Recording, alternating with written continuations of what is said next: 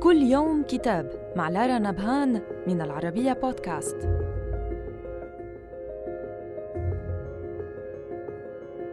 كتابنا اليوم بعنوان السنغال في القلب من تأليف الرئيس السنغالي ماكي سال وترجمها من الفرنسية إلى العربية الإمام حسن سك نرى فيه السيرة الذاتية للرئيس ماكي سال لكن بشكل مختلف عما هو معتاد فقد حملت صفحاته رؤى فكرية خاصة بالكاتب وقدمت إجابة للمتسائلين والباحثين عن ماهية شخصيته ممن كتبوا عنه أو سألوا أو تساءلوا.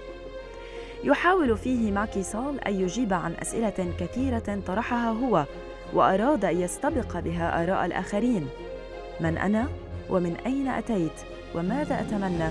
وما الذي أؤمن به؟ إنها أسئلة للتاريخ وأجوبة للمستقبل.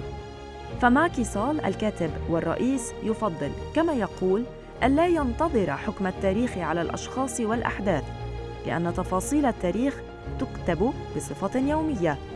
لهذا السبب أراد أن يقدم في الكتاب تاريخه الشخصي ومساهمته الفكرية في بناء سنغال جديدة متجذرة في القيم النبيلة بما يضمن لها الازدهار والنهضة والإشعاع في ساحة الأمم وهي الأماني نفسها التي يحملها لأفريقيا الجامعة أفريقيا الأم.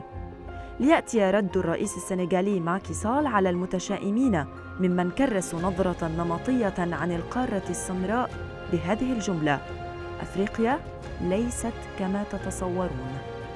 صدر الكتاب عن المركز الثقافي للكتاب بالدار البيضاء وإلى اللقاء مع كتاب جديد.